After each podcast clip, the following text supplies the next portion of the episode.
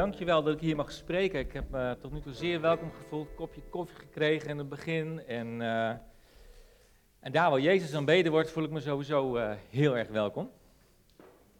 En dat is te merken.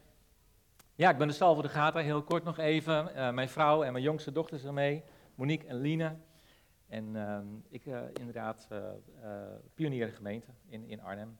En daarnaast heb ik ook nog een, eh, een boek wat ik eh, binnenkort uitbreng. Dat uh, gaat over discipelschap. Hoe maak ik nou discipelen? Hoe doe ik dat nou? Dat is echt wel een kunst. En uh, het heet kerosine voor discipelschap. Klinkt het goed? Kerosine voor discipelschap. Ja, toch? Ja, we willen vliegen met elkaar. We willen heel graag in God leren om met Hem samen te groeien naar het karakter van Jezus. Goed, deze ochtend. Um, ik zal straks uh, de tekst uh, vertellen waar we het over gaan hebben. Maar misschien kan je wel een situatie indenken uh, waarin je in een, in een tent zit. Ik heb het zelf al meegemaakt als ik kampeer of nou ja, als je op schoolkamp bent of bent, ik heb ook nog wel in het leger gediend. Dan moesten we in zo'n tent. En dan s ochtends, dan, dan word je wakker. En, en, en je, je ruikt gewoon dat het gewoon wat muffig is. Mm, nou, misschien wat zweetsokken die erin liggen. Misschien dat, dat iemand uh, wel wat, wat lucht heeft laten ontsnappen, s'nachts. Uh, en bedoel ik dus niet van, uh, van het luchtbed. En, en het is dompig, zompig. En je denkt, oké, maar goed, dan doe je op een gegeven moment de rits open. Je loopt naar buiten. En dan, ja toch, dan krijg je die frisse ochtenddauw, die, die, die, die ruik je. En je haalt even diep adem. En dan weet je van, ah heerlijk, het is, het is vakantie of het is weer een nieuwe dag. En het zonnetje schijnt misschien en de vogels fluiten. Uh, en je denkt, ah heerlijk, ik leef. Heerlijk is dat. Ik geloof dat God vandaag ons iets wil laten inademen en iets wil laten uitademen. En uh, waar het over gaat zal ik zo meteen vertellen. Uh, we halen een stuk uit de, de handelingen, de handelingen der apostelen een stuk uit Paulus' reis, een van Paulus' reizen. En dan heb ik het over de tweede reis van Paulus. Paulus is, uh, is iemand die is gegrepen door God. Hij wist van, hé, hey, ik heb mensen met de dood bedreigd. Ik heb mensen en, hele gezinnen uit elkaar getrokken. Hij was zelfs bij Stefanus, die uh, werd bekogeld en hij stemde daarin mee. Hij stemde daarin toe. En misschien dat hij daadwerkelijk ook verantwoordelijk is geweest voor het doden van mensen. Hij heeft in ieder geval daarmee gedreigd. Maar op de een of andere manier heeft hij genade gevonden in Christus Jezus. En hij heeft ervaren van, hé, hey, ik ben gered. Ik ben geliefd door God, ondanks alles wat ik heb gedaan. En die genade, die genade die ik heb gevonden in God, wil ik heel graag uitdelen aan andere mensen.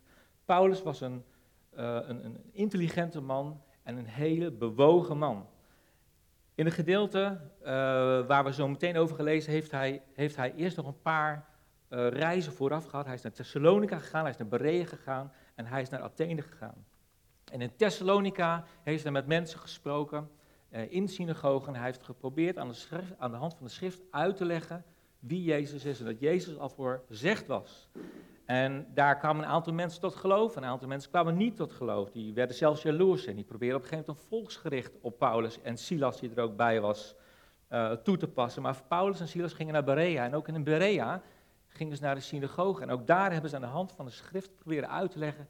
Mensen, het gaat om Jezus. Jezus is vanuit God gezonden, de Zoon van God. Bij hem is genade, via Jezus genade. En er zijn er meerdere die bij uh, in Berea tot geloof komen.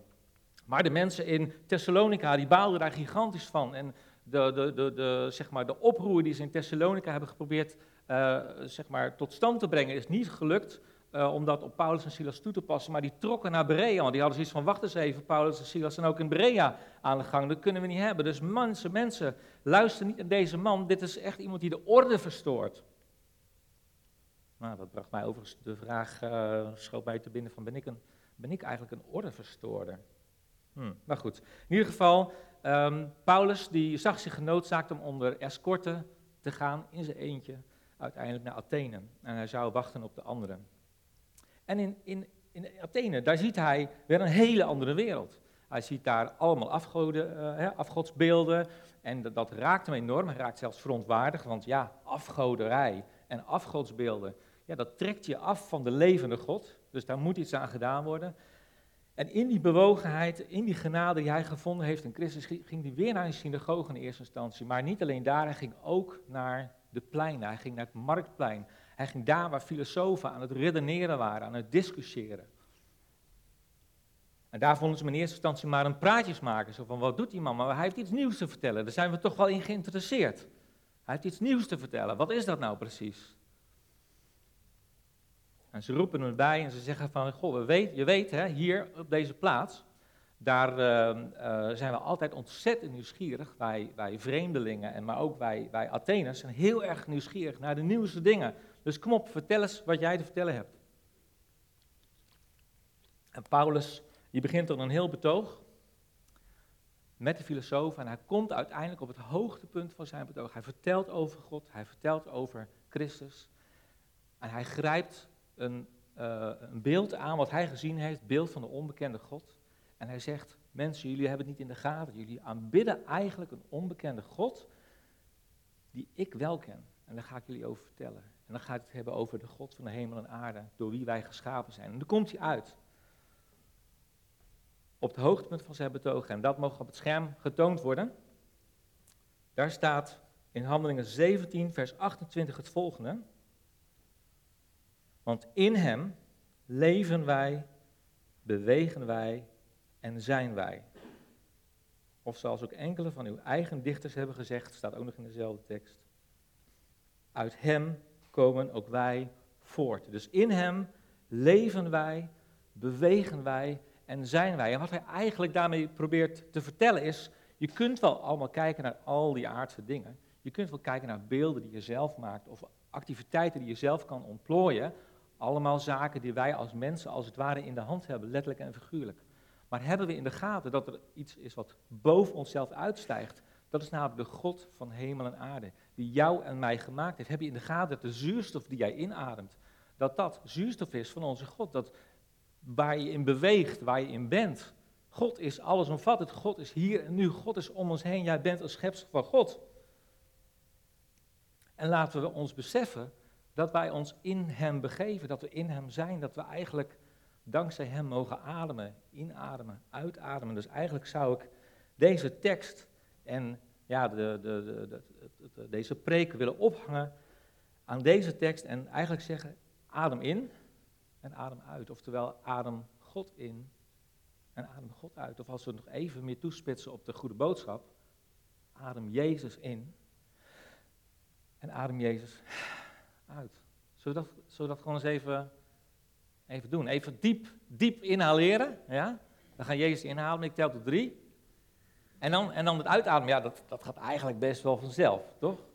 Dat gaat wel vanzelf. Of wil je heel lang inhouden? Nee. Dus adem in. Jezus, adem Jezus in. 1, 2, 3. En we ademen uit. En, nou ja, het valt mij op dat als ik Jezus wil inademen, dan moet ik vaak wel een beetje inspanning voor doen. Ik, ik zal het woord moeten lezen, of ik zal tijd moeten nemen voor gebed, of elkaar samen opzoeken. En me richten op Jezus, dat moet ik vaak bewust doen. Dus dat is meer dat inademen. Maar het uitademen, Jezus uitademen en bekendmaken aan de mensen omheen, dat mag eigenlijk veel meer vanzelf gaan op dat moment. Maar ja, als ik dat wil doen, en ja, ik ben geen Paulus eerlijk gezegd, ik zou het eigenlijk wel willen, dat ik dan zeg maar die, die, die, die, dat geestelijke vermogen in mij al zeg maar heb eh, ontwikkeld. Dat ik gewoon op een marktplein of ergens midden in een centrum daar de orde ga verstoren. Ja, tumult, tumult. Volksgericht op salvo. Nou, maar laten we het even wat, wat, kleiner houden en wat meer bij het hier en nu. En, en, dan heb ik zoiets van, waar is dan dat beginnetje? Je als je plakband hebt? Dan moet je dan ergens op een gegeven moment dat, dat beginnetje zoeken. En dan zit je, waar zit het nou eigenlijk? En op een gegeven moment heb je hem te pakken en dan moet je peuteren, weet je wel. En dan heb je hem en dan, misschien scheurt hij af. Maar je wil ergens op een gegeven moment beginnen. En waar begon Paulus? Paulus, die zocht altijd naar een opening. Daar waar hij kwam, zocht hij naar een opening. Hij zocht daar, in het, met name in het denken van mensen, waar is ingang? Dat deed hij in Thessalonica, daar ging hij naar de synagoge. Deed hij heel vaak, want daar waren mensen al met de schrift bezig. Hij ging naar Berea, ging weer opnieuw naar de synagoge. Hij ging naar Athene, ging weer opnieuw naar de synagoge. En vervolgens ging hij naar het marktplein, daar waar heel veel gediscussieerd wordt, de filosofen, daar waar iedereen bekend is met uh, nieuwere ideeën en ontvankelijk is voor nieuwere ideeën. Daar ging hij naartoe. Locatie was dus erg belangrijk. En hij greep ook allerlei elementen aan in de cultuur en in, het religieuze, in de religieuze beleving om uh, uh, Christus op de een of andere manier uh, daaraan te gaan verbinden. En omdat Athene niet echt nou ja, een plek was waar er heel erg gefundeerd vanuit de Bijbel gedacht werd, was het wel zo dat hij daarmee toch nog aanknoping zag door in de cultuur of in die religieuze beleving um, uh, uh, zeg maar uh, een, en ander aan te pakken en vervolgens het goede daaruit te halen en vervolgens Jezus te brengen. En het goede wat hij dus zag was die onbekende God. Hij denkt van, hé, hey, daar moet ik over gaan praten. Die onbekende God, dat is de ingang. Dat is de ingang. En vervolgens probeerde hij dus de mensen die daar waren ervan te overtuigen van wacht eens even mensen, het gaat niet om wat wij zelf hier maken of waar wij zelf toe in staat zijn, maar het gaat om iets hogers. Het gaat om iets meer. Denk out of the box, zouden we heden dagen zeggen. Maar daar waar mensen zijn, daar waar mensen in hun denken al aan het, uh, uh, zeg, maar, zeg maar, een beetje los zijn, dat was niet alleen wat, wat, wat Paulus eigenlijk al uh, deed, maar Jezus deed dat in feite ook. En wat dacht je van uh, de bergreden, uh, waar Jezus kwam in de nood en daar waar de mensen zaten in hun pijn en in hun verdriet. Daar waren mensen hongerig, daar waren mensen moeite. En hij erkende die problemen. Of wat dacht je van het bekende verhaal van Filippus in uh, Handelingen 8, hè, met de kameling. Die kameling die onderweg was naar Ethiopië, die was al aan het stoeien. Hij was al aan het stoeien met het woord. En hij dacht, hoe moet ik die teksten uit Jezaja begrijpen? En de Heilige Geest leidde Filippus daar naartoe en Filippus die ging met hem daarover doorpraten. Dus dat brengt mij dus bij de vraag, als ik een beginnetje moet vinden, dan is het dus handig om een plek te weten, een locatie of personen te kennen die al ergens hongerig zijn of ontvankelijk zijn of aan het denken zijn van hoe werkt dat nou deze wereld en deze levensbeschouwing. Dan zou ik me absoluut niet laten afleiden door mensen die misschien op dat vlak al uh, in geestelijke sferen zich begeven, zeg maar. Hè? Want juist mensen die al denken in geestelijke termen, misschien New Age-achtige of zo, nou ja, die, die, die, zijn dus eigenlijk al bezig met, wacht eens even, er is meer op hemel en aarde dan alleen maar uh, dat wat ik hier tegenkom aan auto's, aan, aan boeken uh, of aan spullen. Nou ja, en als ik naar mijn eigen leven kijk, ja, ik, ik probeer het gewoon. Uh, en soms dan voel ik me heel erg geleid door de geest. En soms dan, nou wat ik zeg, probeer ik het maar gewoon. Voorbeeldje. Uh, ja, dat hebben jullie vast hier in Ede ook wel. Dat is uh, een vuilstort. Hè? Vuilstort en dan uh, moet je naartoe. Wij moeten in Arnhem moeten we een pasje daarvoor gebruiken. Hier ook of niet? Ja, pasje. Nou, dus ik kom aan met de auto en dan, nou, staat zo'n man, die staat daar natuurlijk te wachten. En op een gegeven moment, nou, raampje open, pasje, dan doet pasje, doet hij dan uh, een apparaatje en dan gaat de slagroom op. Nou, alsjeblieft, zegt hij. Ik zeg van, uh, ja, ik moet toch even wat kwijt. Hij zegt, huh? oh, wat dan? Ik zeg, nou, weet ik vind het eigenlijk wel heel erg goed wat jullie hier doen. Ik vind het echt tof. Oh, zegt hij, nou, jij bent de eerste die, die dat zegt. We worden meestal hier, hier uitgescholden.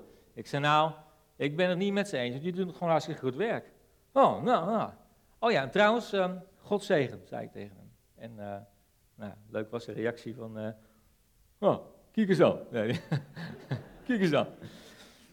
Ja, of uh, nou, ben ik in de Lidl en ik koop nog meer in de Lidl. Ja, handige winkel. En toen zie ik op een gegeven moment een, een, jongen met zo'n stok, zo'n, je weet wel, zo'n blinde stok hè, met die rode strepen. Maar ja, hij doet wel gewoon boodschappen, dus ik denk van hij kan wel zien, maar is waarschijnlijk slechtziend of zo. Maar goed, ik had zoiets van, god, zou, zou eigenlijk tof zijn als ik misschien voor hem mag bidden. Je weet maar nooit wat er gebeurt, hè. En um, toen uh, dachten we, nou, maar eens even kijken hoe het loopt. Ik ging door de kassa heen en op een gegeven moment liepen we zo'n beetje zelf gelijktijdig zeg maar, de winkel uit. En ik dacht van, hé, hey, dit, is, dit is best wel een mooie gelegenheid eigenlijk. Dus ik ah, ging vrij snel. ik liep zo met hem, een beetje zo met hem op zo.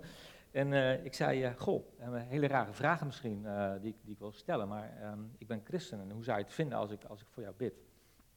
En toen hij draaide, hij keerde zich naar me toe, hij zegt, goh, wat een bijzondere vraag. Ik ben ook christen, zegt. Ik zeg, oh, dat is, dat is, dat is fijn dat je ook christen bent.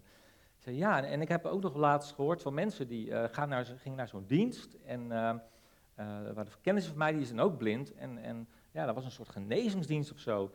Ik zei, oh, nou, dat zou best kunnen, want er zijn wel uh, meerdere genezingsdiensten die worden gehouden. En, ja, en, en, ja, het gebeurt niet altijd, maar soms wel. Maar goed, toen begon hij ineens te vertellen over dat hij, ja, eigenlijk, uh, dat, dat, dat, dat, dat, dat, dat, eigenlijk helemaal niks gebeurde bij die mensen. En vervolgens zei hij van, ja, en de, de ziekte die in mijn ogen, dat is alleen maar heel progressief, dus het gaat alleen maar bergafwaarts. Hij zegt, nee, ik geloof niet, dat, dat gaat niet gebeuren, helaas, sorry. En toen ging hij weer ging weer door. Ik vond het wel jammer eigenlijk, maar goed. Dat is iemand die dan op dat moment een keus maakt. Hè? Um, een uh, fietsen, fietsenhandelaar, die bij ons normaal in de wijk een soort van winkeltje heeft. Uh, die stopt op een gegeven moment het winkeltje, maar hij stopte niet met zijn service. Want hij zei van, goh, als mensen toch nog fietsen mij willen laten repareren, weet je wat, ik kom gewoon langs en dan haal ik de fiets op en dan als hij gerepareerd is, dan breng ik hem weer bij je terug. Dus hij kwam zo bij ons aan de deur. En ik wist dus de verandering van zijn manier van werken. Dus ik zei op een gegeven moment tegen hem, nou hier is de fiets. Hoe gaat het nu eigenlijk? En hij zei, nou ja, gaat wel goed. Uh, mensen moeten me nog een beetje leren vinden, maar mijn telefoonnummer is bekend. Maar goed, verder, ja, ja de, de, winter komt er zo aan en dat vind ik nog wel het meest spannend. Want er zijn mensen wat minder uh, bereid om, uh, nou, dan vraag me ook af van, kan ik het allemaal wel aan? En ik, ik, vraag me af of ik die winter wel kan, kan over, of, of daar wel goed doorheen kom. Dus ik zei van, hoe zou je het vinden als ik, als ik voor jou bedrijfsbid? Dan was gewoon in de tuin. Hij zei, oh, bid, ja, ja, nou ja, het zal altijd wel helpen, zegt hij. Dus ik, ik bad gewoon voor zijn bedrijf. Ik zeg, joh uh, Vader in de hemel, uh, wilt u zijn bedrijf zegenen, ook dat hij goed door die winter komt, en, uh, enzovoort, enzovoort. Maar eigenlijk een heel kort gebed. En toen was het klaar, en hij zei, ja, de kippenvel zit op zei hij. Gaaf, hè?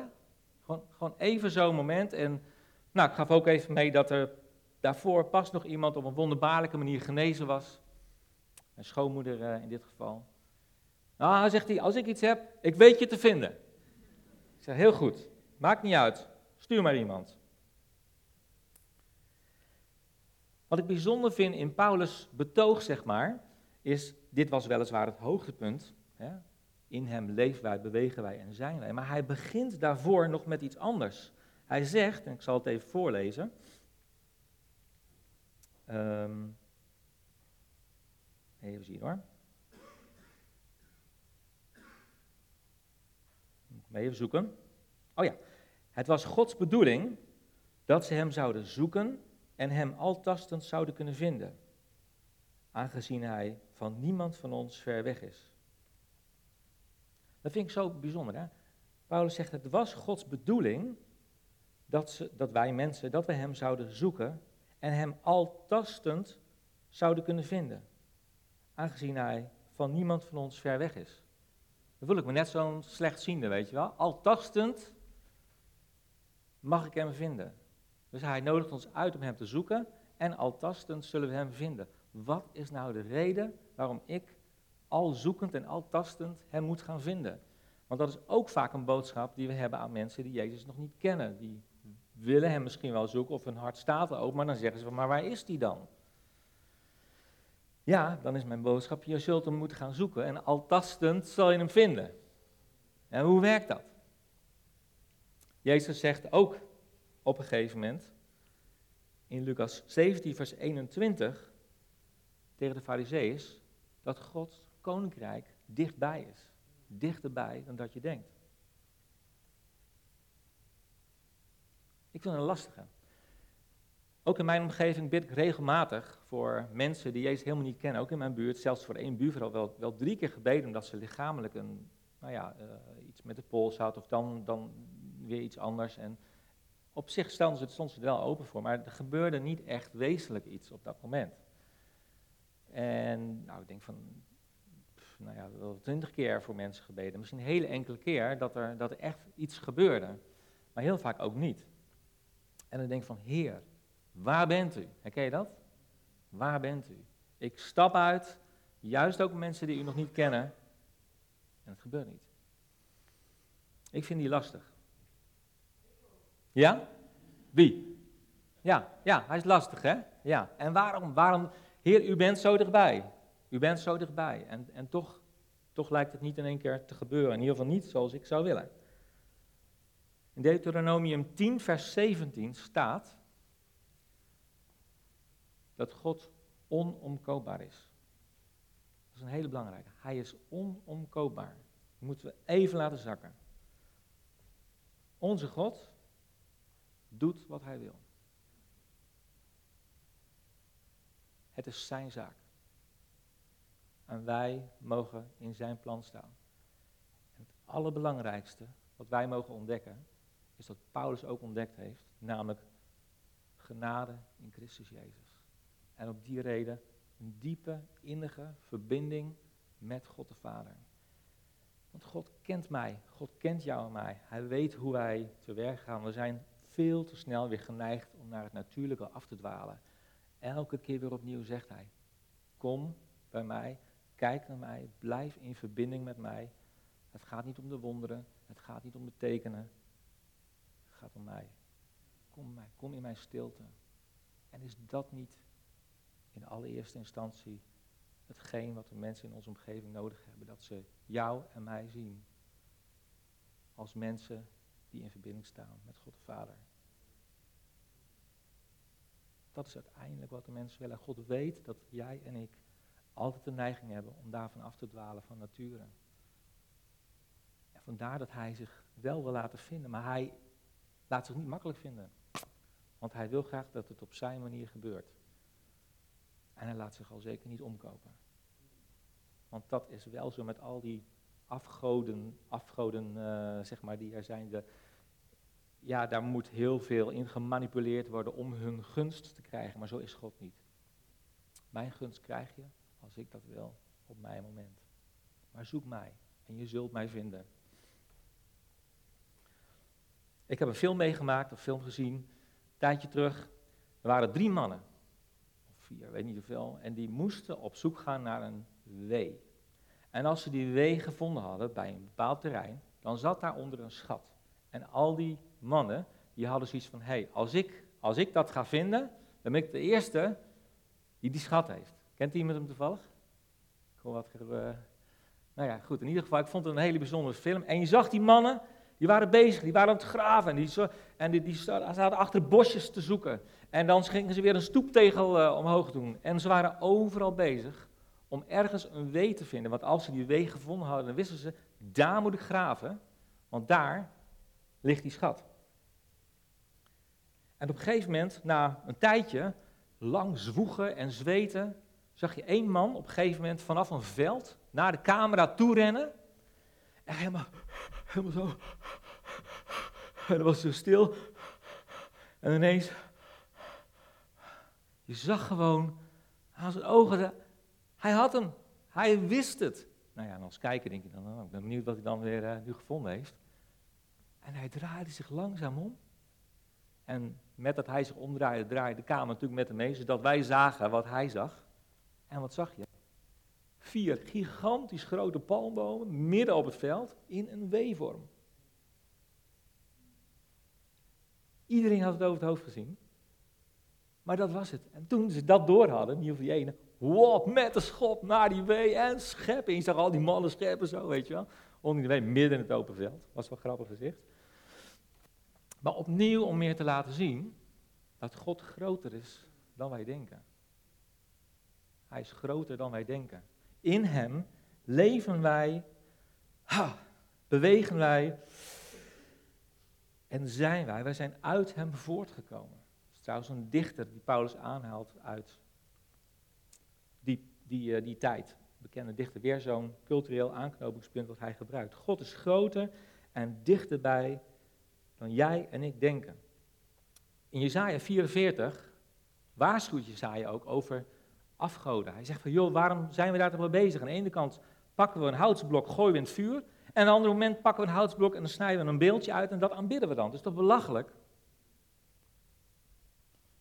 Misschien denken we wel van, nou ja, weet je, dat was die periode, dat hebben we nou niet meer. Alhoewel allerlei, nou ja, bovennatuurlijke dingen en afgodenbeeldjes komen nu de hele dag ook wel weer tegen. Maar wat is nou zo primair in onze samenleving wat wij af, uh, verafgoden? Ik denk eerlijk gezegd gewoon techniek. Ik ben heel erg met techniek bezig. Wat wij bijvoorbeeld heel goed kunnen, dat zijn hele, hele kleine lichtpuntjes, echt super klein. En die verbinden we aan elkaar. Dan heb je ontzettend veel lichtpuntjes. En dat maken we dan, uh, daar maken we dan een beeldscherm van. Hè. Die lichtpuntjes heten pixels, zoals je weet. En, van, en daar, hangen we dan draden aan vast aan de achterkant, zodat er een soort van elektronica, hè, elektronica stroom kan erheen en die lichtpuntjes bij elkaar, die kunnen een beeld vormen. Sterker nog, die kunnen een bewegend beeld vormen. En daar zijn we ongelooflijk door geïntrigeerd. Hè. Dus of tv, of je smartphone, of de computer. En er komt heel veel informatie doorheen en we hangen aan die dingen. Afgelopen week deed onze wifi uh, het niet. en uh, ah, wifi doet het niet. Ja, nee, ik heb het door, ja. Ik zal, ik zal even kijken. Ah, de wifi doet het niet. Ja, dat heb ik net ook al gehoord. Ja, ik moet wel mijn huiswerk kunnen maken en ik heb internet nodig. Ja, ik ben ermee bezig. Nou, ik uh, bellen met de provider en die kon het ook niet 1, 2, 3 fixen. Jongens, ik moet, uh, ik moet nou weer aan de slag. Vanavond kan niet, morgen weer. Ja, maar de wifi doet het niet. Ja, dat, dat weet ik. Internet komt goed. We zitten er toch zo aan vast, hè? En bovendien, we zijn als samenleving, helemaal in Noordwest-Europa, best wel heel erg gericht op denken. Denken. Alles wat ik kan bedenken, alles wat ik kan, uh, uh, zeg maar, waarnemen, dat is waar. En alles wat ik niet kan waarnemen, dat is, dat is niet waar. Dat, dat zit heel erg... je kent wel die uitspraak, is een plaat voor je kop, toch? Ik denk, er zit een plaat in ons kop. Ik zeg, Nederlanders, we hebben een plaat in ons kop.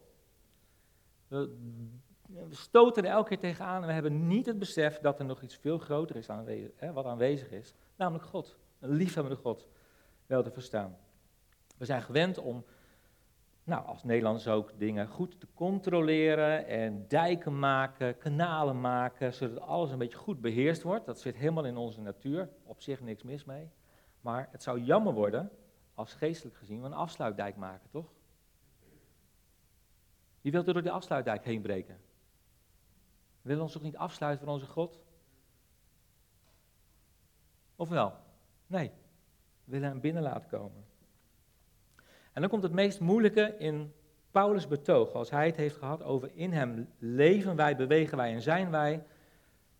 Dan heeft hij het over, ja ik noem het dan toch maar even heel zachtjes, een rechtvaardig oordeel wat er aan zit komen. Oh, een rechtvaardig oordeel. Dat Jezus daarvoor is gestorven. Auw, het was zo interessant wat Paulus te vertellen had. Het was zo boeiend. En dan komt hij over een rechtvaardig oordeel, dat God op een gegeven moment gaat oordelen. Bloedje serieus is dat. En dan zie je ook dat er een aantal gaan afhaken. Die gaan spotten tegen Paulus. Of die zeggen van, goh, zal, uh, zal, Paulus, het, interessant wat je te vertellen hebt. We gaan er de volgende keer op door. En die, nou, misschien was dat wel uitstel, afstel, weet ik niet. Maar er waren ook een aantal die zeiden, ik geloof wat Paulus hier te vertellen heeft. En ik neem dat geloof aan. Maar hoe gaan we om met dat rechtvaardig oordeel? Dat het rechtvaardig is, dat klinkt dan nog wel oké, hè? Nou, dat is in ieder geval rechtvaardig. Maar de God die oordeelt, hoe brengen we dat over aan de mensen? Volgens mij is daar diepe wijsheid voor nodig hoe dat te doen. Op welke manier? Want het is wel aan de orde. Het is aan de orde. Een voorbeeldje hoe ik dat zelf een keer heb meegemaakt, notabene met mijn eigen pa. 2003 was dat, hij was uh, ziek, uh, dodelijke ziekte, ALS. De meeste van jullie wel bekend. Dus hij was ook heel erg zwak in de laatste maanden van zijn leven. Heel erg, uh, zijn spieren waren al um, verzwakt. Hij kon nauwelijks meer praten, maar hij was bij mij thuis en ik was met hem alleen. En ik wist dat kort moment wat ik nu met hem alleen heb en hoe lang zal het duren voordat ik weer een kort moment met hem heb? Misschien wel helemaal niet, want de komende maanden, dat zag er niet goed uit. En ik zat daar en ik zag banden van uh, videobanden, VHS-videobanden van uh, The Godfather. Nou, mijn vader is Siciliaan, dus denk, leuk aanknopingspunt om daar misschien over te praten. Maar ik denk, nee, ik zit daar maar een paar minuten met hem. En, en ik wil gewoon, want hij gelooft niet trouwens, hij geloofde niet, dus dat moet ik even erbij zeggen. Um, dus ik zei tegen hem, pa, jij gaat sterven en waarschijnlijk ga jij eerder sterven als ik. Um, zo ziet het er in ieder geval wel naar uit. Hoe het ook gaat, zullen we elkaar ook weer zien aan de andere kant. Uh, wanneer ook ik, uh, wanneer we allebei dood zijn, gaan we elkaar dan weer zien.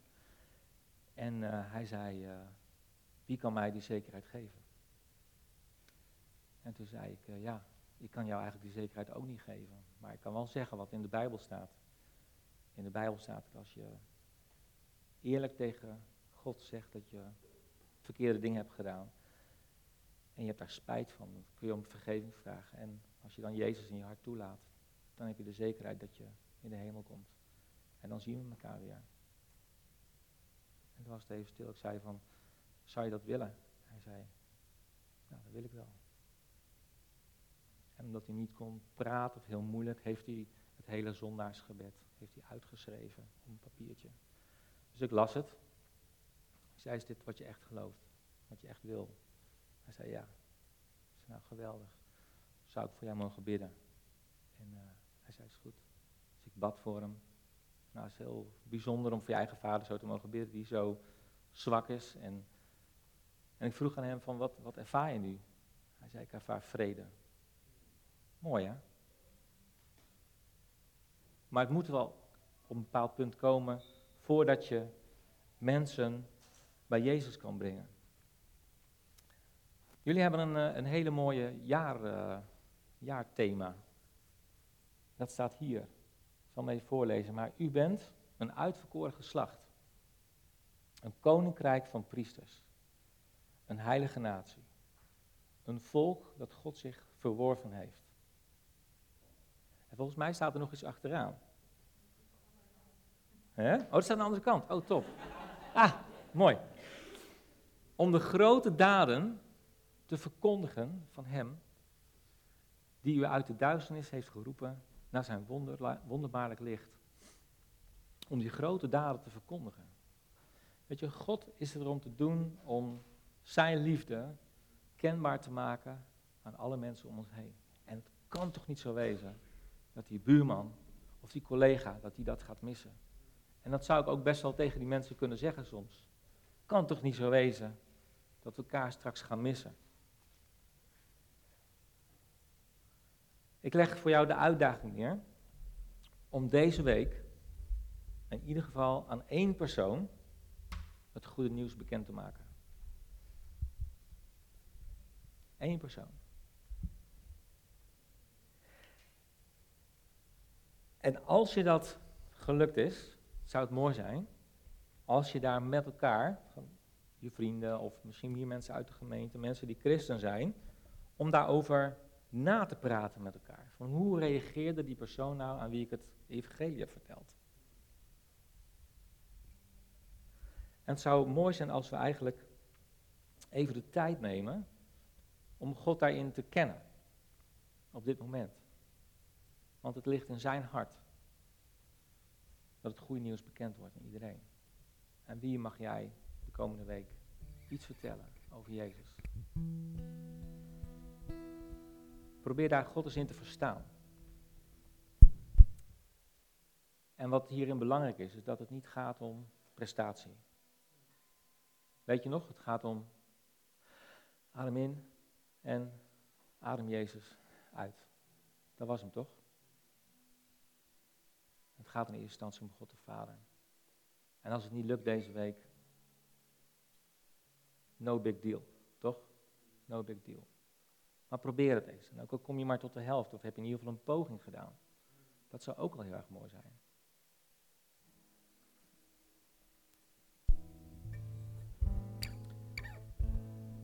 Ik denk dat het uh, waardevol zou zijn om, uh, als jij zoiets hebt van, hé, hey, ik, ik wil daarin ook echt een keus maken. Dus het lijkt me goed om stil te zijn zometeen en om, dit, deze mooie muziek uh, afgestemd te zijn op God, maar om dan ook uh, een stap te maken naar God, een keuze te maken, uh, door dat in je hart echt ferm te besluiten van ik, ik, ik kies hiervoor.